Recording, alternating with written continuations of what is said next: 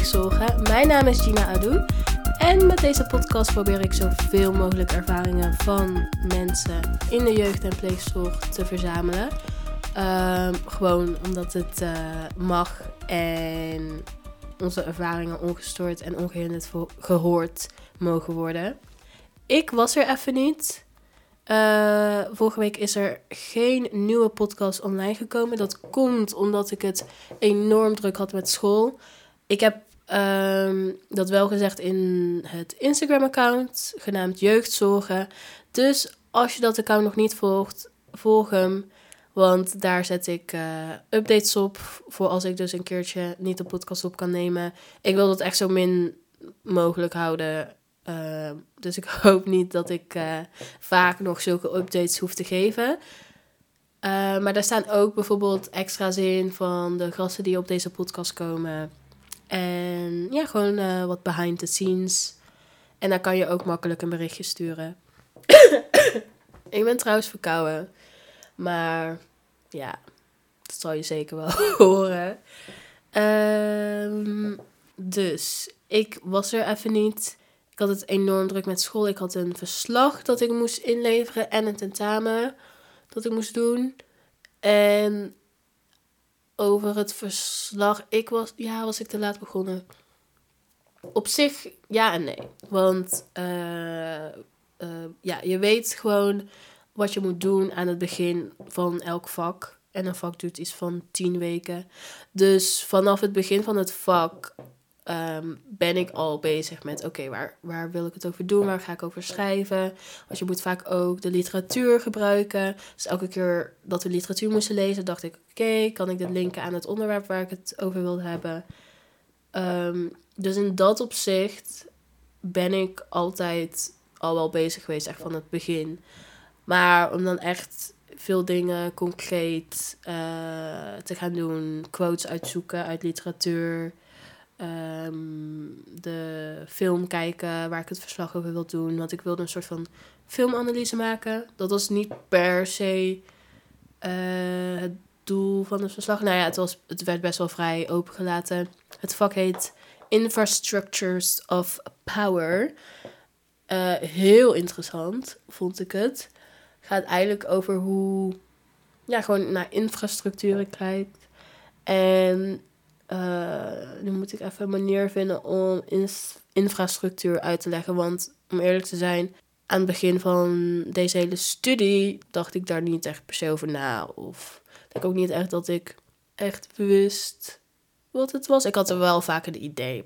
Maar ja, infrastructuren zijn eigenlijk gewoon de structuren die gewoon in de hele wereld zien. Maar ehm, je kan dan denken aan wegen, hoe een, een weg is gebouwd, waar het langs gaat, waar het niet langs gaat, eh, waar het mee is aan verbonden.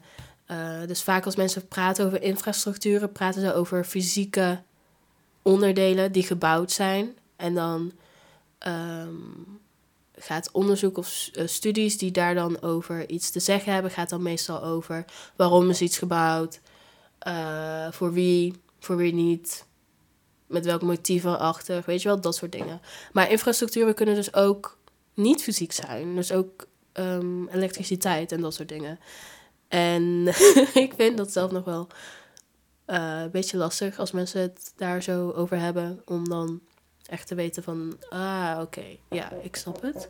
Maar, anyhow, ik wilde dus een soort van filmanalyse analyse maken over de platform. Dat is een Spaanse film uh, op Netflix. En hij heet ook niet echt de platform. Volgens mij is de originele naam El Hoyo. En gaat over. ik heb er een heel verslag over geschreven en ik weet niet waar ik moet beginnen.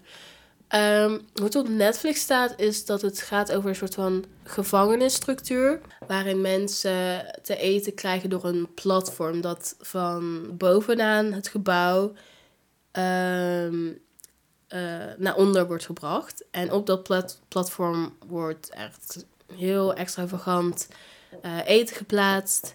En iedereen kan uh, daarvan afeten. Maar hoe het gebouw zeg maar in elkaar zit, is... Nou ja, trouwens, als je de film wilt kijken, kijk hem. Eh, als je de film niet wilt kijken, dan ben je waarschijnlijk ook niet echt geïnteresseerd in deze hele uitleg. Maar het gaat in ieder geval kort gezegd over het concept van als er genoeg eten is en we laten mensen bovenaan eerst eten dan mensen onderaan, houden we dan genoeg geld of genoeg eten over voor de mensen die onderaan zitten. Want in de film eten mensen van de bovenste levels echt enorm veel, gewoon meer dan ze hoeven. Waardoor op een bepaald level gewoon helemaal niks meer over is. Waardoor mensen dus honger lijden. En ehm, moeten overstappen op eh, moord en cannibalisme. Omdat ze anders ja, dus niet kunnen eten. Dus een heel interessante film waar allemaal verschillende infrastructuren voorkomen. Ehm, en ja, waar ik het graag over wilde hebben. Ik wilde er iets heel moois van maken. Of in ieder geval het idee dat ik had. Ehm, dat, wilde, dat wilde ik gewoon ja, neerzetten. Dat wilde ik gewoon maken.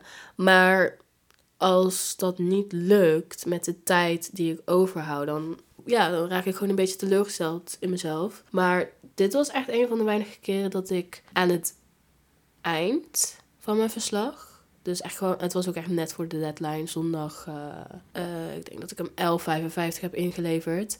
Maar ik was echt tevreden met wat ik um, had geschreven. En dat hoeft dat niet per se goed te zijn. Maar ik wilde bepaalde dingen, bepaalde ideeën, bepaalde concepten wilde ik in dat verslag verwerken. En dan had ik gewoon heel veel moeite gedaan in mijn voorbereidingswerk. En dan vind ik het gewoon heel kut als ik dat niet op papier kan zetten. Omdat ik niet de juiste bewoording weet. Of uh, ja, omdat ik dan heel niet wetenschappelijk schrijf, weet je wel, dan denk ik echt van, oh, je legt dit echt uit alsof je slag in de middelbare schrijft, weet je wel. Maar uiteindelijk was ik er echt blij mee. En ook gewoon trots van, ja, dit wilde ik maken en het is gelukt. En ik had dus een tentamen dinsdag, maar daar ben ik niet naartoe gegaan uiteindelijk. Ik had hem wel kunnen doen en ik denk ook wel dat ik hem had gehaald. Uh, ik had het hele vak gewoon alles goed bijgehouden en moest opdrachten doen. Dus daarin heb ik, um, ja, was ik eigenlijk op zich wel voorbereid voor het tentamen. Maar ik had niet zoveel zin om naar Rotterdam te gaan. En ik had in de avond ook iets voor NJR in Utrecht. Dus. En Sims trouwens. dat moet ik ook eerlijk zeggen. Ik was heel veel Sims Freeplay aan het spelen. En dus ik dacht van, nou, weet je wat? Ik weet zeker dat als ik een dag leer voor, het, uh, voor de herkansing, dat ik hem gewoon in één keer kan halen. Dus weet je wat, ik skip hem vandaag en dan doe ik hem de andere dag. En dan heb ik nog een verslag voor volgende week. Dat is ook een herkansing. Want ja, herkansingen, de meeste herkansingen die ik pak zijn een soort van ja, ik had geen zin om het de eerste keer te doen. Dus ik uh, verzet hem voor de herkansing. Dus het is niet dat ik een laagpunt voor mijn verslag had. Ik had gewoon niks ingeleverd, want ik had niks. uh, dus dat uh, moet in één keer ook wel lukken. Of in ieder geval, het gaat lukken. Ik wil er het liefst natuurlijk een hoog cijfer voor. Maar ja, een set of vijf is eigenlijk al goed. Dus ik ga gewoon voor de zes. En ik vind het ook wel weer uh, ja, een leuke opdracht om te doen. En het gaat ook over jeugdzorg trouwens. Dus uh, ja, dat moet ook allemaal goed komen. Maar ik werk gewoon het beste als ik kan focussen op één ding. Um, en niet twee verschillende verslagen of een verslag en een podcast editen. Dus uh, ja, ik had een paar afspraken moeten verzetten. En het lukte dus ook niet om uh, een eigen aflevering op te nemen waarin ik verder ga met mijn verhaal. Dus daarom geen podcast. Maar nu dus weer wel. En vandaag wil ik het hebben over ja, mijn verdere ervaringen in de jeugd- en pleegzorg. Um, voordat ik daarmee ga beginnen, wil ik het heel even kort hebben over bepaalde termen waar, waar ik het over heb in uh, voorgaande podcast en in deze podcast en waarschijnlijk toekomstige podcast zeker. Ehm, die mijn vriend niet begreep en waarschijnlijk een paar onder jullie ook, die geen ervaring hebben gehad in de jeugdzorgpleegzorg. Of misschien wel ervaring, maar gewoon dat concept nog niet kent. Dus ik heb het heel vaak over groepen, leefgroepen, uh, woongroepen, gesloten groepen, besloten groepen. Ja, dat zijn gewoon eigenlijk plekken waar jongeren wonen, vooral in de jeugdzorg. Als ze niet in een gezinformulatieachtig iets wonen. Uh, je hebt natuurlijk ook gezinshuizen. Oh, dat zou, zou ik waarschijnlijk ook wel zo bespreken. Maar eerst leefgroepen. Uh, dat zijn dus gewoon groepen uh, bestaande uit ongeveer, ja, wat zal het zijn? Het verschilt hoor. onze groepen waren vaak echt meestal max 10 jongeren. Maar dat verschilt. Um, en op de groepen dat ik, waar ik leefde, waren altijd twee begeleiders aanwezig. En de begeleiders zijn dus eigenlijk gewoon de mensen die daar werken en die daar zijn om ehm, ja, op jou te letten eigenlijk. Dus ik zou niet zeggen dat die vergelijkbaar zijn met ouders. Want zo'n relatie heb je niet. Maar het is wel een ouderlijk figuur aan, aan wie je moet gehoorzamen. Dat klinkt ook wel zo extreem. Maar ja, dat, die, dat zijn gewoon de bazen, zeg maar, in die groep. En daar kan je ook naartoe als je ehm, als er iets mis is. Uh, die eten met je. Er zijn ook mensen, er zijn ook altijd begeleiders die daar slapen. Dus het is eigenlijk gewoon, je moet het zien als een gezin waarin de ouders worden weggenomen, waarin meer kinderen worden gedropt en waarin ehm, je een groep hebt van ongeveer tien begeleiders die elk shift draaien van zoveel uur, uh, vaak twee tegelijk of soms ook drie. En ja, die werken daar gewoon. En die zijn daar ook voor opgeleid. Dus ja. Um, dan heb je ook verschillende groepen. En waarschijnlijk heb je in het nieuws wel vaker gehoord over gesloten groepen. Want dat zijn dus groepen, precies hetzelfde concept, maar je mag daar niet echt naar buiten. In ieder geval niet van het terrein af. Um, je hebt daar ook. Uh, je deur kan op slot gezet worden op open groepen of hoe ik het noem, gewoon groepen. Is dat niet zo, dan, dan kan je eigen deur op slot doen en niet dat het vanaf de buitenkant op slot gedraaid wordt. Uh, je kan ook gewoon vrij naar school. Op gesloten groepen heb je vaak school op het terrein zelf. Dus gesloten groepen zijn ja, gewoon eigenlijk gevangenissen. Um, en nu ga ik aankomende week of misschien over twee weken praten met iemand die in een gesloten groep heeft gewoond. Dus daar kan ik wel wat meer dingen vragen. Want ik ben eigenlijk alleen maar bekend met gesloten groepen van uh, de mensen waar ik mee op groepen heb gezeten, die daar naartoe zijn gestuurd. Um, en dat is letterlijk ook gewoon kidnapping, eerlijk gezegd. Als ik uh, ja, denk aan een uh, vriendin van mij die zomaar in gesloten is gezet. Dus ja, het is eigenlijk gewoon een gevangenis en er gebeuren ook gewoon enorm erge dingen. Um, Jason, dat is een persoon die zich echt inzet om gesloten jeugdzorg, dus de gesloten groepen te stoppen.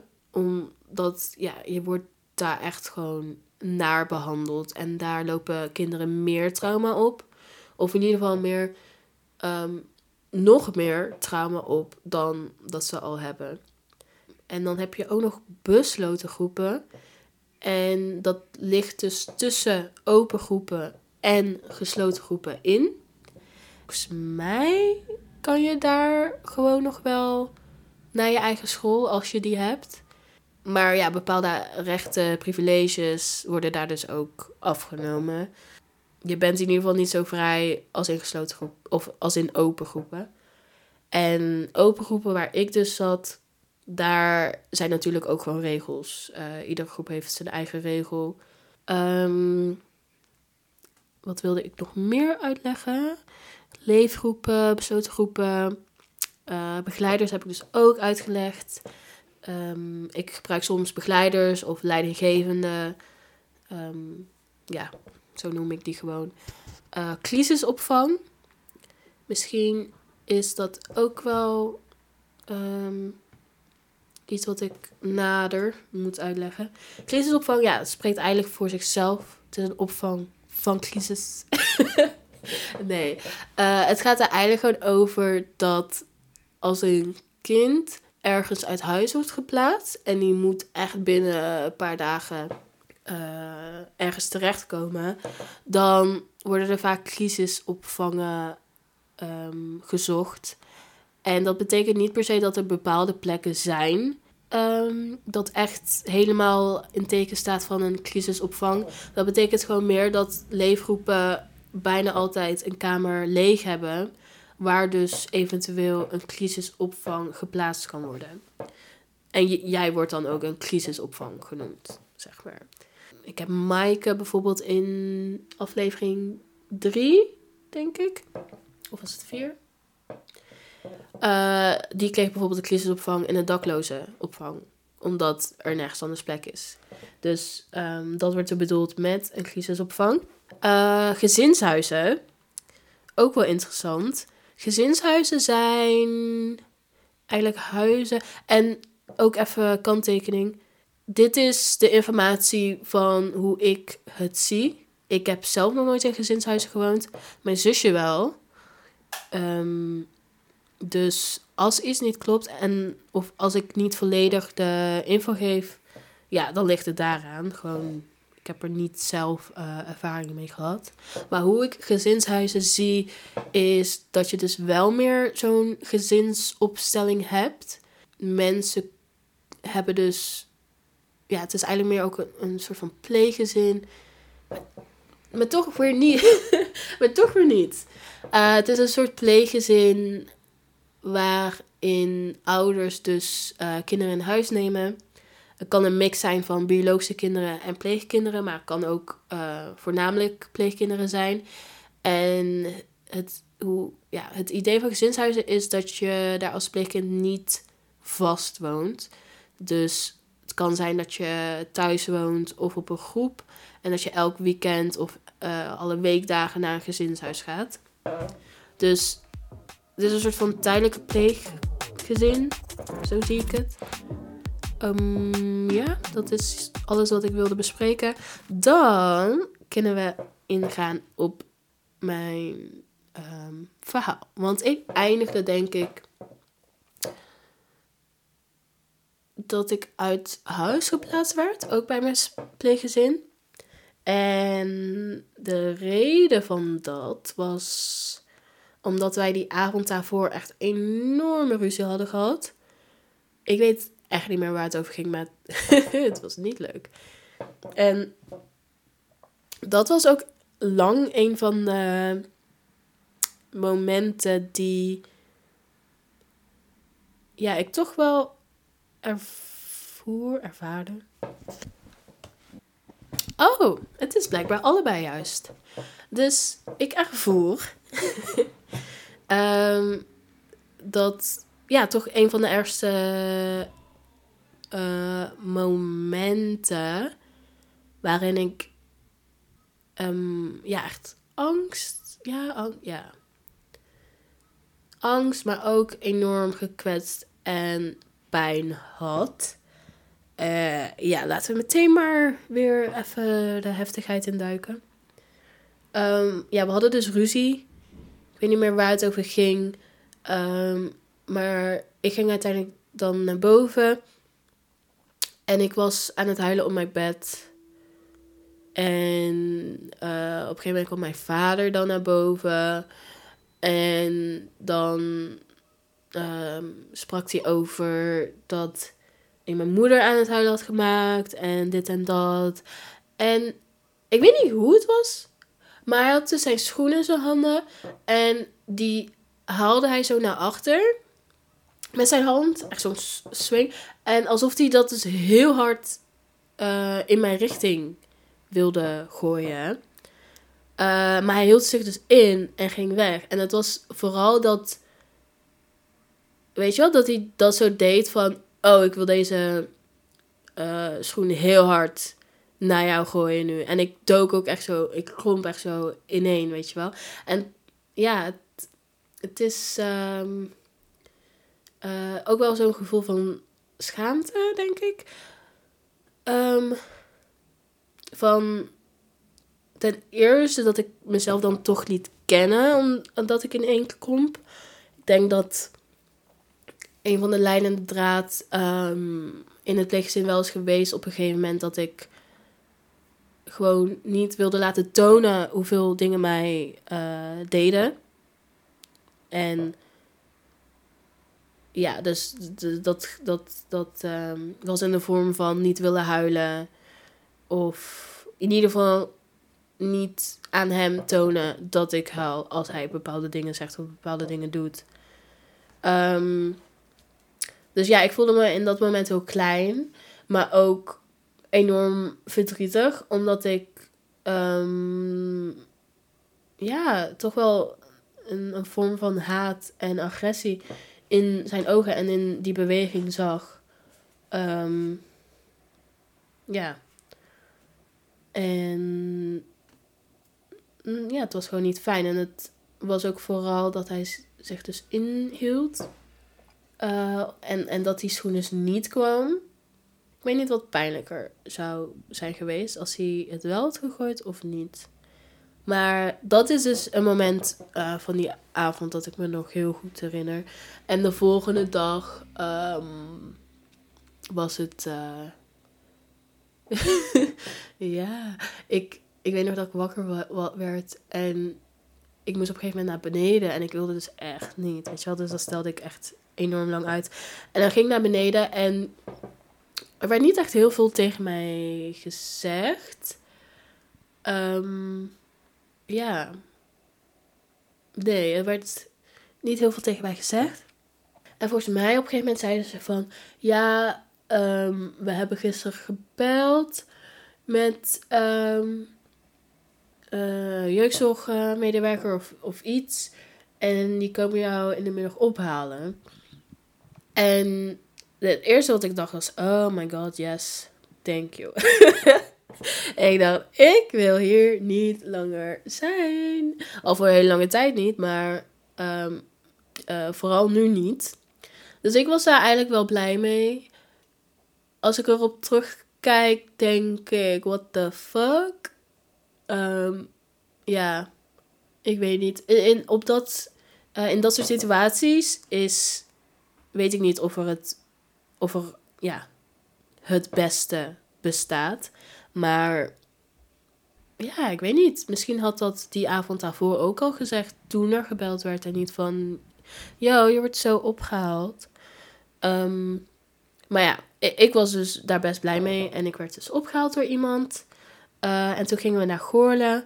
Uh, precies op dezelfde locatie als toen ik, uh, toen ik drie was uit huis was geplaatst bij mijn biologische moeder. En toen naar een groep ging. Dat is dus de locatie waar ik uh, Aisha ook was tegengekomen. En uh, we gingen dus eerst naar het hoofdgebouw om dingen, ja, om mij soort van aan te melden of zo. En dan was het idee dat ik daar een crisisopvang kreeg op die groep voor twee weken. Het was in een zomervakantie. Dus ehm, hoe het was opgesteld was dus, ik zou twee weken daar zijn. En dan zouden ja, mijn ouders en ik op vakantie gaan. Uh, toen dacht ik al van, mm, I'm not sure. Maar ja, op dat moment denk je daar uh, natuurlijk niet aan. Um, dus ja, toen op die groep, eerste dag was eigenlijk gewoon super leuk. Ik heb op zich niet super veel moeite om uh, ja, nieuwe situaties uh, wat vrienden te maken. Of ja, niet echt vrienden, maar gewoon, weet je wel, kennis te maken. Want ik denk dat ik best wel snel met iemand in contact ben. Maar het ook best wel lang duurt voordat het echt een goede vriendschap is. En dat ik mezelf echt blootgeef. Dus het was meer contact leggen was voor mij niet moeilijk. Um, ik was ook een van de oudste daar. En ja, ik speelde lekker buiten met iedereen. Het was vakantie, dus iedereen was er ook. En we deden elke week, elk weekend, uh, deden we wat leuks. Dus voor mij was die plek echt fantastisch. Ik ervoer vrijheid, rust.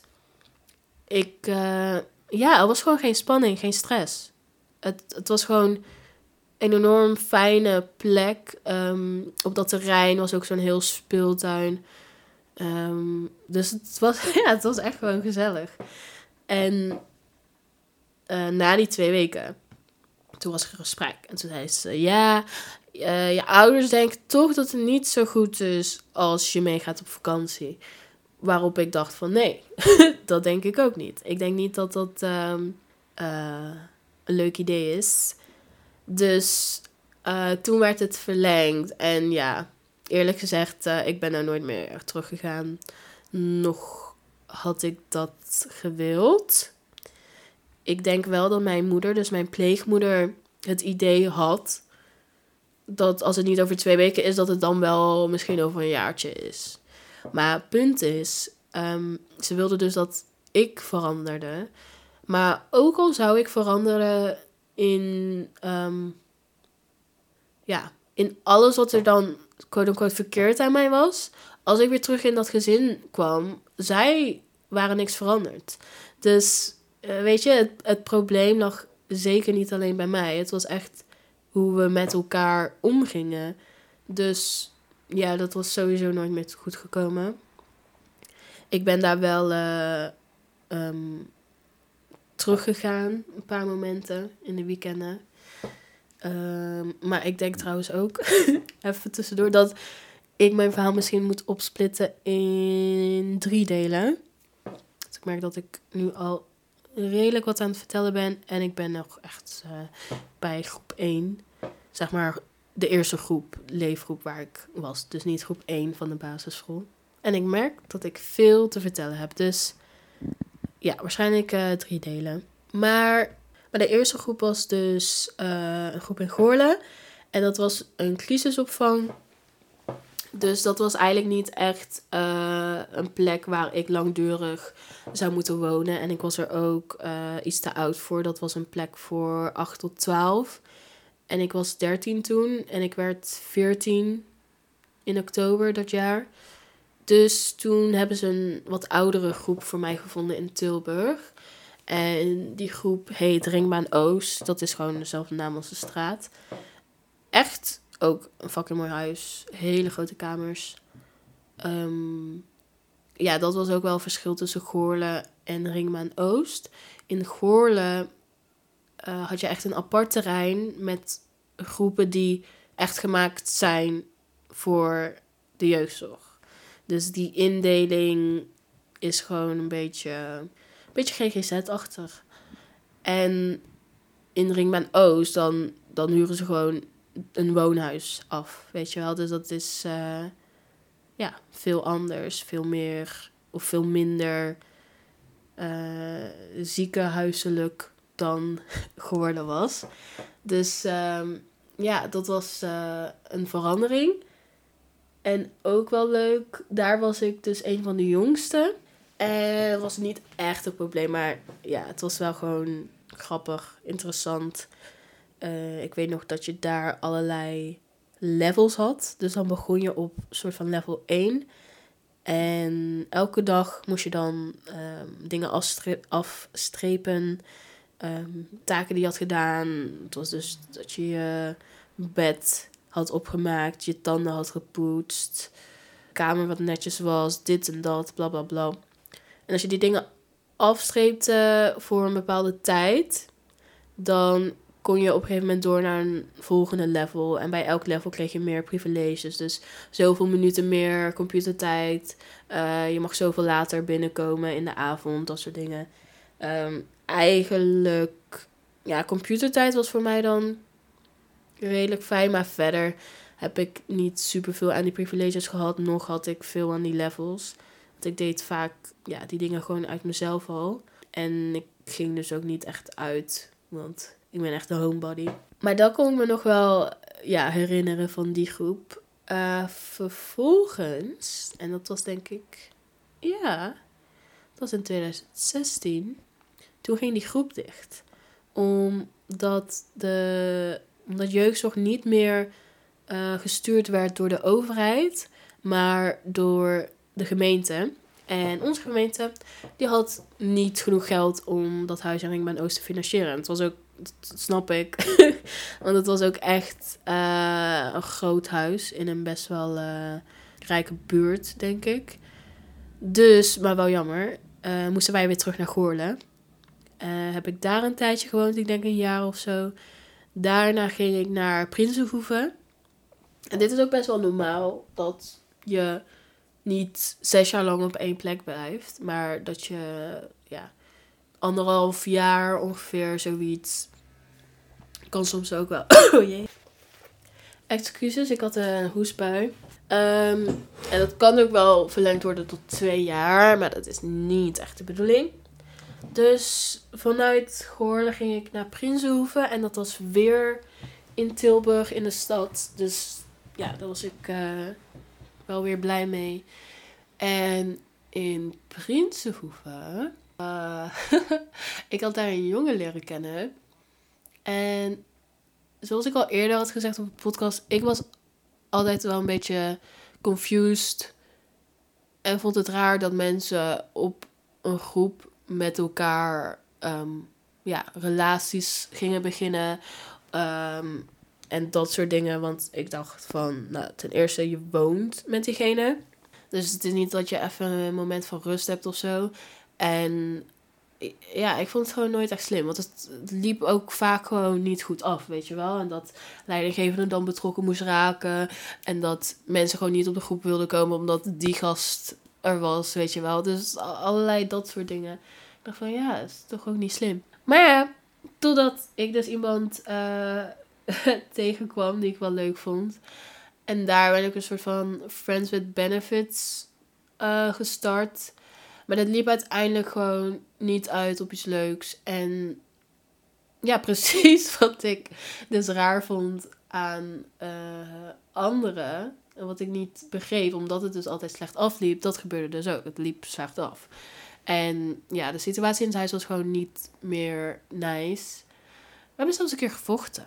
Of in ieder geval, I tried. Want ja, hij is gewoon super sterk. uh, dus ja, dus uh, ja, ik was kwaad een keer op hem. Volgens mij was het iets, ik was ziek. En um, we stonden in de keuken. Het, is trouwens eigenlijk niet super belangrijk dat ik ziek was. Maar uh, we stonden in de keuken en ik moest um, bij een kastje zijn waar hij voor stond. Dus ik vroeg of ik er langs mocht. En hij negeerde mij. dus ik denk gewoon op een gegeven moment, oké, ik trek gewoon dat kastje open.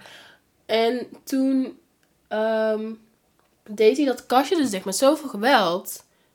Waardoor ik mijn hand te snel moest wegtre wegtrekken voordat hij er dus zeg maar klem in zat. En toen, ik, toen werd ik zo kwaad en woedend dat ik dacht van, wil jij nou echt die deur op mijn hand dichtslaan?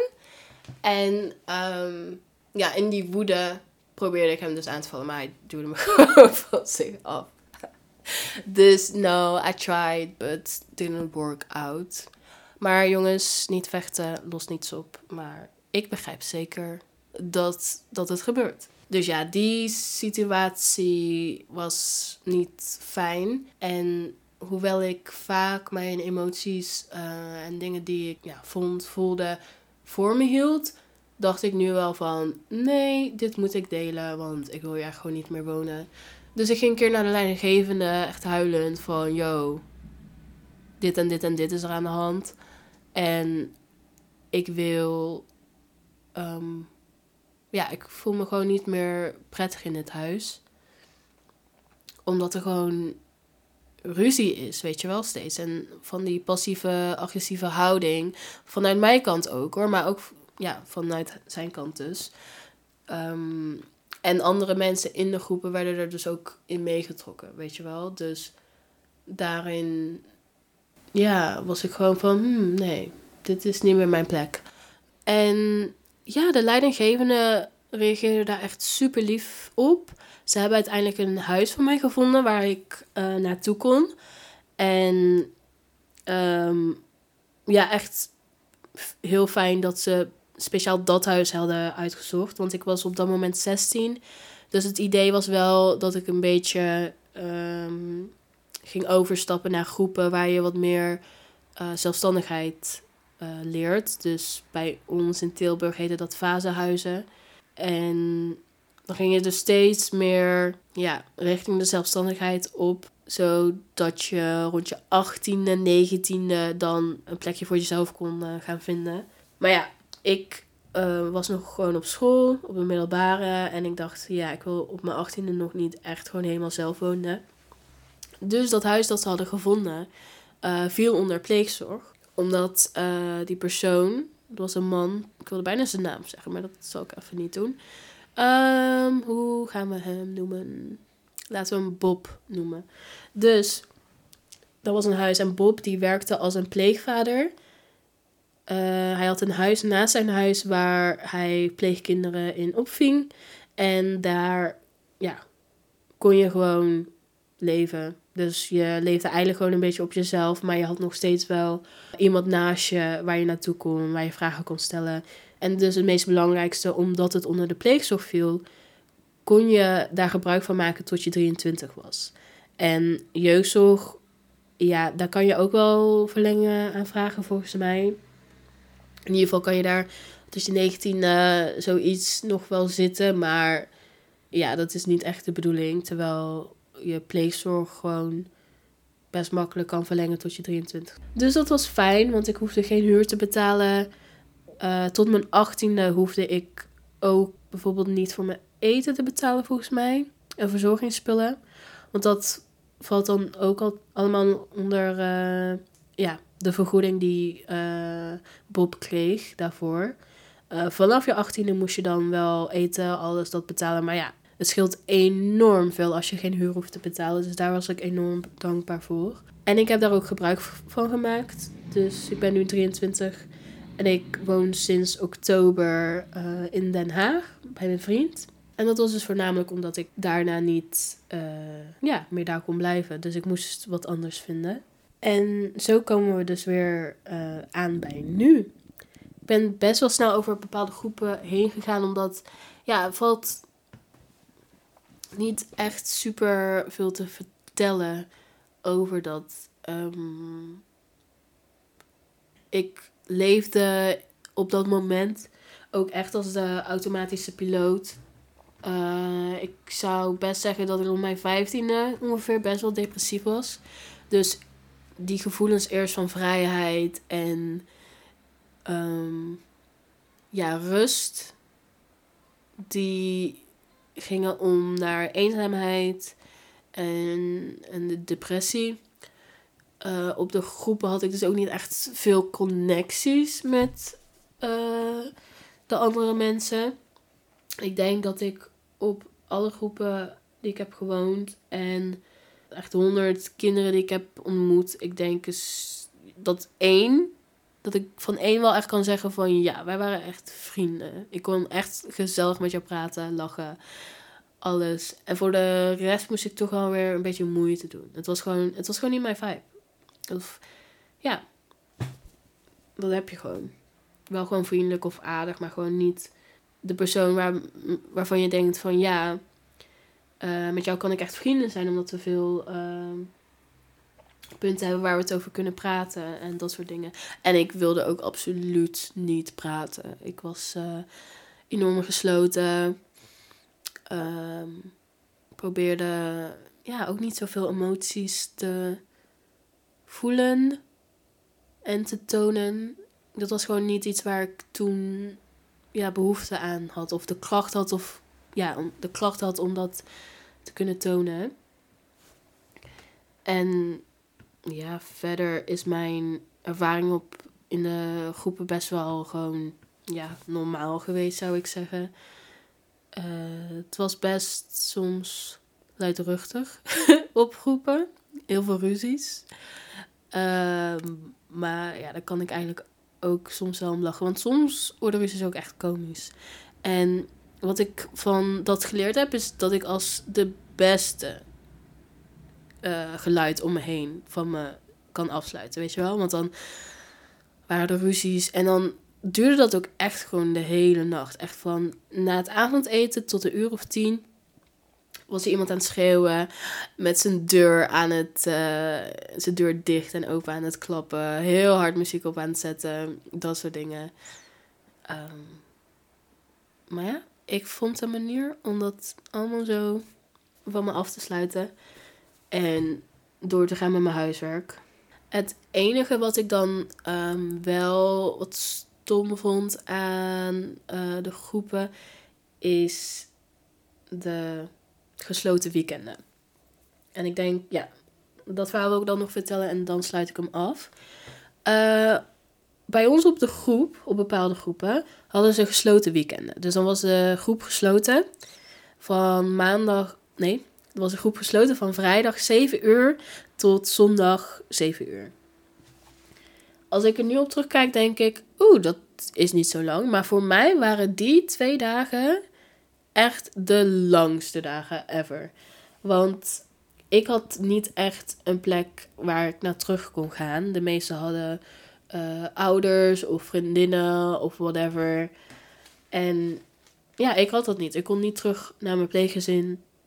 En ik ging dus meestal terug naar een groep in Goorlen. Want ik denk dat de gesloten weekenden vonden plaats in Ringbaan Oost, denk ik. En ook een paar in uh, Prinsenhoeven, waar ik toen zat. Maar Goorlen was dus eigenlijk altijd open. Maar op een gegeven moment mocht ik dus niet meer op die plek slapen. Want dat was dus voor een crisisopvang. Dus dat bed moest leeg blijven. En dus dachten ze, oké, dan gaan we een uh, weekendgezin voor jou vinden.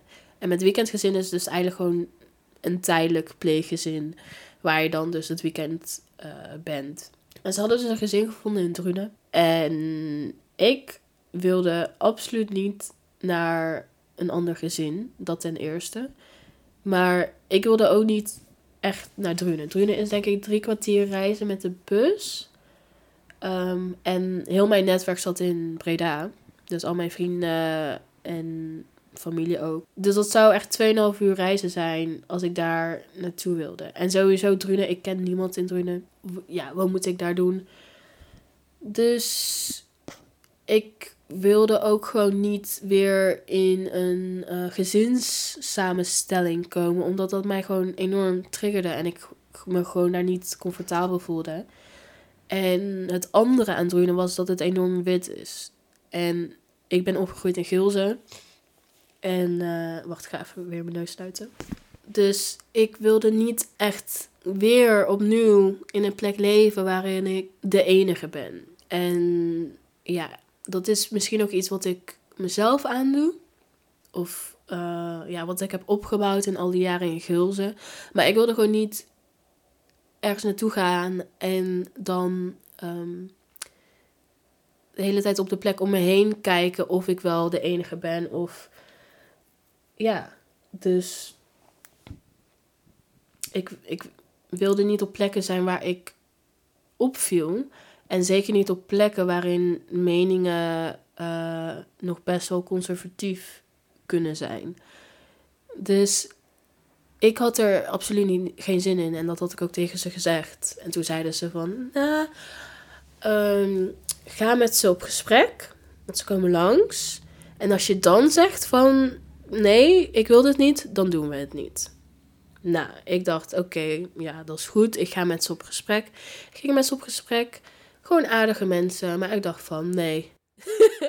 Dit is precies waar ik het over had toen ik al deze dingen zei. Uh, het zijn aardige mensen, maar gewoon niet voor mij. Dit past niet bij mij. Dus ik zei dat zo tegen de leidinggevende. Van nee, ik wil hier niet naartoe. Nou, eindstand, natuurlijk moest ik daar naartoe. En ik heb daar denk ik twee jaar elk week, ja, om de weekend. Want uh, de groepen gingen om de week dicht. Dus ik heb daar denk ik twee jaar om de week daar naartoe uh, moeten gaan. En ik vind het moeilijk om dit te zeggen, omdat ik het denk nooit ja, face-to-face -face tegen hun heb gezegd dat ik eerst daar echt totaal niet naartoe wilde. Ik weet ook nog de eerste keer dat ik zo bij die vader, ik weet niet, of het de vader of moeder was. Ik denk dat de eerste keer dat ze me daar naartoe reden, was het ehm, die vrouw van dat gezin. Ik zat ook echt te huilen in de auto. Ik, wil, ik wilde er niet naartoe. En dat soort momenten, dan denk ik echt van... Uh, ja, je hebt geen oog voor het kind. Zeker niet als je zegt van... Als je het niet leuk vindt, je zegt nee, dan, dan luisteren we daarnaar. En dan zeg je nee en dan luisteren we daar niet naar. En ik denk dat zij misschien uh, in hun ogen hadden van... Ah, laat het haar gewoon maar een dagje of een weekendje proberen en laten we dan kijken. Maar wat ik leerde van dat moment is, als ik mijn mening deel, dan wordt daar niet naar geluisterd. Nog gaan ze daar echt moeite voor doen om uh, een ander gezin te vinden. En dat gezin was eigenlijk ook op zoek naar uh, jongere kinderen, niet iemand van 15. Dus ik denk ook van ja, ik was op zich niet de juiste match voor hun en zij niet voor mij. En we hebben wel leuke dingen gedaan in dat weekend. Dat zeker wel, maar ook inderdaad momenten ja, dat we met gezin kerst vieren bijvoorbeeld. En dan komen onderwerpen zoals Zwarte Piet naar voren. Weet je wel, waar ze dan heel neerpraten op het idee dat uh, Zwarte Piet racistisch uh, kan overkomen. En dan word ik soort van een beetje negeerd. Of in ieder geval er wordt dan niet aan mij gevraagd direct van wat vind jij er eigenlijk van? En of ze dat nou wel of niet doen, ik, ik, ik, ik vind het even ongemakkelijk. Zeker als inderdaad een, een hele groep van mensen die voor Zwarte Piet zijn en jou vragen hoe jij erover denkt. Weet je wel, het is niet dat je, je, moet met die mensen ook nog weer terug naar huis. Dus ja, op dat soort momenten dan denk ik van ik weet echt wel goed wat ik nodig heb en wat werkt voor mij. En dat geef ik aan en er wordt gewoon niet naar geluisterd. Ja, dat is gewoon wel uh, stom. En ik weet bijvoorbeeld ook nog een moment in de kerk. Er was uh, een familielid van hun die werd gedoopt. En um, dan stonden we zeg maar in van die aan het einde van zo'n pad. En dan ging elk kind dat dan net, nou niet gedoopt trouwens, de communie. en dan ging elk kind dat net zijn communie had gedaan, die ging dan langs en dan uh, gaf je als uh, volwassenen en mensen die dan aan de kant stonden een hand, weet je wel, en dan feliciteerde je hun. En als één zo'n kind, en ik keek hem echt zo met grote ogen aan. En uh, dat zei die vader van het gezin van, wauw, zag je hoe zij jou aankeek? En toen dacht van, ik heb dat vaker. Dit is niet de eerste keer dat dat nu gebeurt. En ja, dat zie ik en dat vind ik inderdaad vervelend. Want ja, zeker als tiener wil je gewoon erbij horen, wil je gewoon uh, bestaan en niet je zorgen hoeven te maken over ja, wat mensen van je denken. Dat is misschien niet ik het wil zeggen, maar je wilt je geen zorgen hoeven te maken over wat jouw huidskleur doet met andere mensen. Weet je, je dat, dat is gewoon niet fijn leven. En wat ik dan ook altijd een ding vind, is dat witte mensen dan ook zeggen van, oh, zag je dat? En dan heel daar verbaasd en confused over zijn. En ik denk van, ja, precies die verbaasdheid en die uh, verwarring, dat zorgt er dus voor dat ik op plekken kom um, waar dat dus inderdaad heel enorm is. En jij brengt mij naar die plekken toe zonder überhaupt te weten dat dat kan gebeuren, weet je wel? En ja, dat uh, vind ik gewoon niet zo fijn. En daarom uh, had ik ook gewoon liever gewoon op die groepen in Goorlen willen zitten. Maar ja, die, dat bed moest dus vrijgehouden worden. Dus uh, dat was geen optie, helaas. Dus dat was eigenlijk wel een groot moment wanneer ik me niet gehoord voelde, wanneer er niet geluisterd werd. Um, en ik heb daar dus twee jaar ongeveer gewoond, denk ik. Um, dus je bouwt inderdaad ook wel gewoon een band op met die mensen. En ik vind het dan ook moeilijk om te zeggen dat ik het daar vaak ook niet super leuk uit. Vooral omdat ik me dan een beetje eenzaam voelde. Kon niet echt uh, ja, met mensen dingen doen. En ja, ik zat gewoon inderdaad heel erg in mijn hoofd met uh, toch zwart zijn in een enorm witte omgeving. Dus verder zou, ja, wil ik vandaag, of heb ik vandaag uh, niet meer om te vertellen. Zullen vast wel dingen weer opkomen als ik ga editen van, oh, dat wilde ik nog vertellen. Of, oh, dat wil ik nog wel vertellen. Uh, ik heb het toch wel kunnen afronden. Um, in ieder geval, ik, ik ben dus bij nu aangekomen uh, in het heden. Dus daarin heb ik op zich wel alles van mijn verhaal verteld. Um, er zijn altijd details. Dus misschien een part 3, maar ik denk het niet. Ik denk dat ik uh, voor nu enorm tevreden ben. En ik ben eigenlijk ook echt enorm dankbaar voor ja, het hele idee dat ik gewoon mijn verhaal thuis kan vertellen. Uh, lekker comfortabel. En dat gewoon kan delen met de wereld vanuit mijn bank. Dus ja, ik ben blij dat, dat dit platform er is. Dat ik de podcast heb gemaakt. En ja, ik weet niet. Dit, dit gevoel wat ik nu heb, dat bevestigt wel ook van waarom ik dit wil doen. En waarom ik vind dat het nodig is. Dus de volgende podcast, dan krijgen jullie denk ik het verhaal te horen van Amanda. Ligt eraan of ik een afspraak eerder inplan.